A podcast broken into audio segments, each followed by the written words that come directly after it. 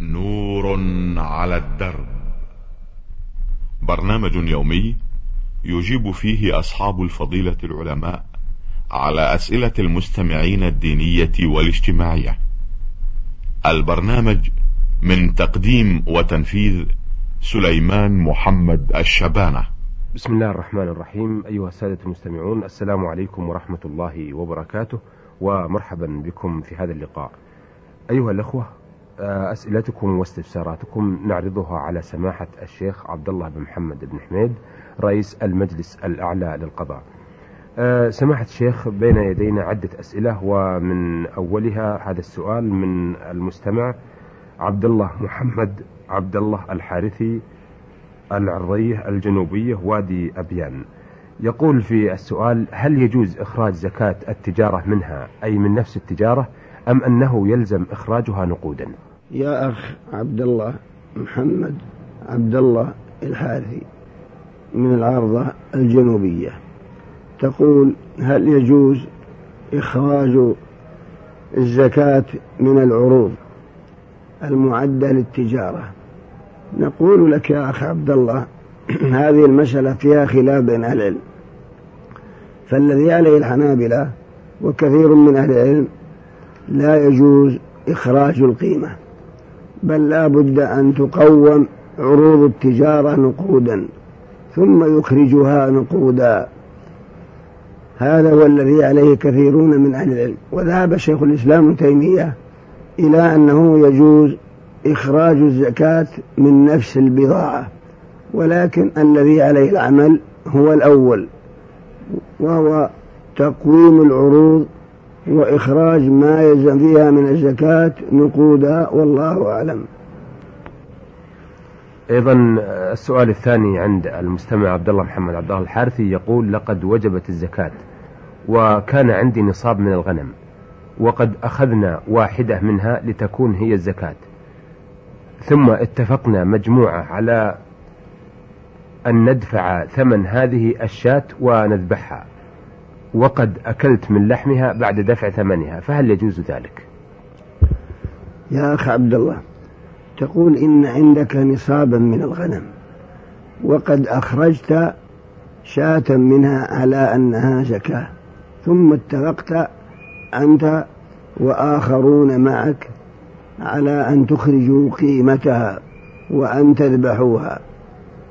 وكما تقدم إخراج القيمة جائز في مذهب الإمام أبي حنيفة وهو اختيار شيخ الإسلام ابن تيمية هو إحدى الروايتين عن أحمد ولا بأس به. إن شاء الله لا سيما في الغنم. وإن كان الذي ينبغي إخراج عين المال الإخراج من عين المال وهي شاة. لكن أرجو أن لا حرج في مثل هذا فرقا بينه وبين عروض التجارة. لأن عروض التجارة قالوا لابد أن يخرج نقودا والغنم والإبل لابد أن يخرج منها عينا. هذا هو المذهب عند المذهب الحنبلي. لأن العروض التجارة معدة للبيع والشراء والأنفع للفقير هي النقود. وأما الغنم فتجب فيها عينا فإنهم قالوا وتجب الزكاة في عين المال ولها تعلق بالذمة. لكن لو أخرج القيمة أرجو أن لا حرج عليه كما هو مذهب الإمام أبي حنيفة واختيار شيخ الإسلام ابن تيمية. والله أعلم. أحسنتم. أعتقد الذي جاء في نفس السائل عبد الله أنه هل يجوز له أن يشتري زكاته؟ لأنه قال اتفقنا واشتريناها وشارك معهم في المشترى. هذا لا يسمى شراء ما دام أنه لم يسلمها للفقير فهي نعم. في ضمانة. نعم. فلا تعتبر هذه شراء. أما لو سلمها الفقير واشتراها لا مانع. وإنما الكلام عينها فقط. نعم. ثم دفع القيمة. فهي لو تلفت في هذه المدة فهي من ضمانة ما دام أنها لم تصل إلى أيدي الفقراء. فهذا لا يسمى شراء وإن سماه بنفس الشراء. أحسنتم. نعم. آه، السؤال الأخير عند المستمع عبد الله الحارثي يقول هل يجوز أداء صلاة الجمعة بعدد من الرجال يقل عن الأربعين؟ تقول يا أخ عبد الله هل يجوز هل تجوز إقامة الجمعة بعدد أقل من الأربعين؟ نعم لا بأس به في أظهر قولي العلماء. فلو لم يحضر إلا عشرة أو عشرين أو نحو أقل من ذلك. أقيمت الجمعة ما دام أنهم مستوطنون في مكان لا يضعنون عنه شتاء ولا صيفا. واشتراط عدد الأربعين جاء في حديث مضت السنة أن في كل أربعين فصاعد جمعة لكن حديث ضعيف لا تقوم به حجة. هذه رسالة من أحد الطلاب في الجامعة ورمز إلى اسمه بياء واو قاف. آه، يقول إني شاب في العشرين من عمري وأرغب في الزواج لأكمل نصف ديني ولكني أجد مشقة في ذلك وهي أني لا أجد الباءة حيث أني طالب في المرحلة الجامعية وظروف لا تسامح على أعباء الزواج وتكاليفه. أرجو إرشادي إلى الحل السليم وإلى هذه آه، يقول في كلمة لم تتبين يقول أرجو إرشادي إلى الحل السليم وفقكم الله. يا أخ يا واو قاف من الجامعة. تقول إنك تبلغ من السن عشرين سنة وأنك الآن في المرحلة الجامعية في الدراسة. ولكن لم يكن عندك الباءة والرغبة في التزوج نظرا لضعف الباءة عندك. فهل تبقى أم تتزوج مع قولك أن التكاليف متعبة؟ يا أخ يا واوقع ما دام أن عندك ضعف في الباءة ولم يكن عندك قدرة فالأولى أن تستمر في دراستك ولا بأس من المعالجة لأن النكاح من سنن المرسلين وهو يجب على الإنسان أن يتزوج إذا خشي على نفسه العنت أي الزنا. وما دام أن الباءة عندك ضعيفة فاستمر في الدراسة ولا بأس من المعالجة. لعل الله أن يشفيك وفيما بعد يمكنك أن تتزوج إن شاء الله لأنك لو تزوجت الآن مع مشقة التكاليف وأنت ضعيف الباء ربما لا تتفق معك زوجتك نظرا إلى أن النساء شقائق الرجال والله أعلم. هذه رسالة وردت من مرسل لم يذكر اسمه ولم يرمز إليه. أه السؤال الأول يقول هل تصح صلاة المرأة وراء زوجها بحيث يكون إماما لها؟ وهل تقف خلفه أو بجانبه؟ تقول هل تصح صلاة المرأة مع زوجها؟ نعم. إذا أما فلا مانع لكن تقف بجانب ما دام أنه زوجها ما في مانع أن تقف عن يمينه ولا حرج في ذلك إن شاء الله. أه، هل يجوز لمن ليس له جماعة يصلي معهم أن يتابع صوت المصلي في الحرم ويصلي معه؟ تقول هل يجوز أن يصلي الإنسان خلف إمام الحرم وهو في مسكنه. نقول لك لا إلا بشرط أن يرى الإمام أو بعض المأمومين في أثناء الصلاة فيصح الاقتداء حينئذ. فإذا لم يره وإنما يسمع الصوت فقط فهذا لا يصح الاقتداء. من شرط صحة الاقتداء أن يرى المصلي الإمام أو بعض المأمومين المأمومين ولو في الصلاة. فإذا كان كذلك صح الاقتداء. وما دام أنه لم يرى لا إماما ولا مأموما فهذا لا يصح الاقتداء.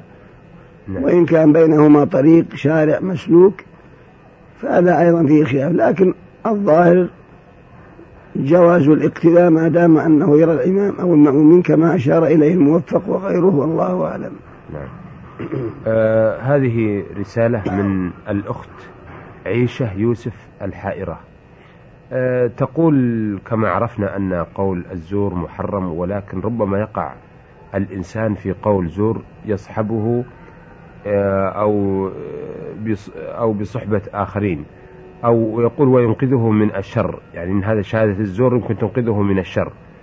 آه، فهل آه، عليه في ذلك شيء أفيدونا. يا أخت عائشة يوسف تقولين إن الزور ممنوع فهل يجوز للإنسان أن يشهد شهادة الزور لينقذ نفسه من الشر؟ لا شهادة الزور لا تجوز. وأي شر يدفعه بشهادة الزور؟ فإن شهادة الزور محرمة قال الله تعالى واجتنبوا الرجس من الأوثان واجتنبوا قول الزور. والرسول صلى الله عليه وسلم قال ألا أخبركم بأكبر الكبائر فعد منها شهادة الزور. قال, قال ألا وقول الزور ألا وشهادة الزور ألا وقول الزور وألا وشهادة الزور. ثم إن شهادة الزور يترتب عليها مفاسد كثيرة منها أن الشاهد غرر بالحاكم. وظلم حيث قضى بشهادته الزور. وثانيا غرر بالمحكوم له هذا الذي شهد له حيث ساق له مالا حراما بشهادته الباطلة. وثالثا ظلم المشهود عليه حيث منعه من حقه بشهادته الفاجرة.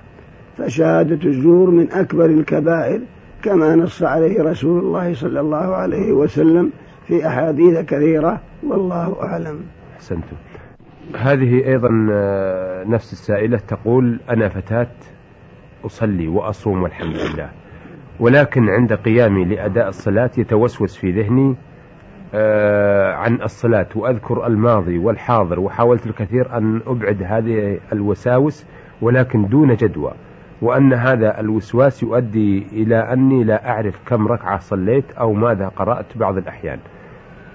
وبعض الأحيان أعيدها وبعض الأحيان لا أعيد الصلاة مرة أخرى. أفيدوني جزاكم الله خير تقولين إن عندك كثيرا من الوساوس. إذا قمت تصلين ينبغي أن تحرصي على طرح تلك الشكوك والوساوس. لكن إذا كانت قليلة فالصلاة صحيحة إن شاء الله. أما إن استغرقت منذ دخلت الصلاة إلى أن خرجت منها وأنت لا تعقلين منها لا قراءة ولا ركوع ولا سجود بسبب الخواطر والوساوس والشكوك. فالأولى الإعادة بل تتعين الإعادة لأنك لم تعقلي من صلاتك أي شيء.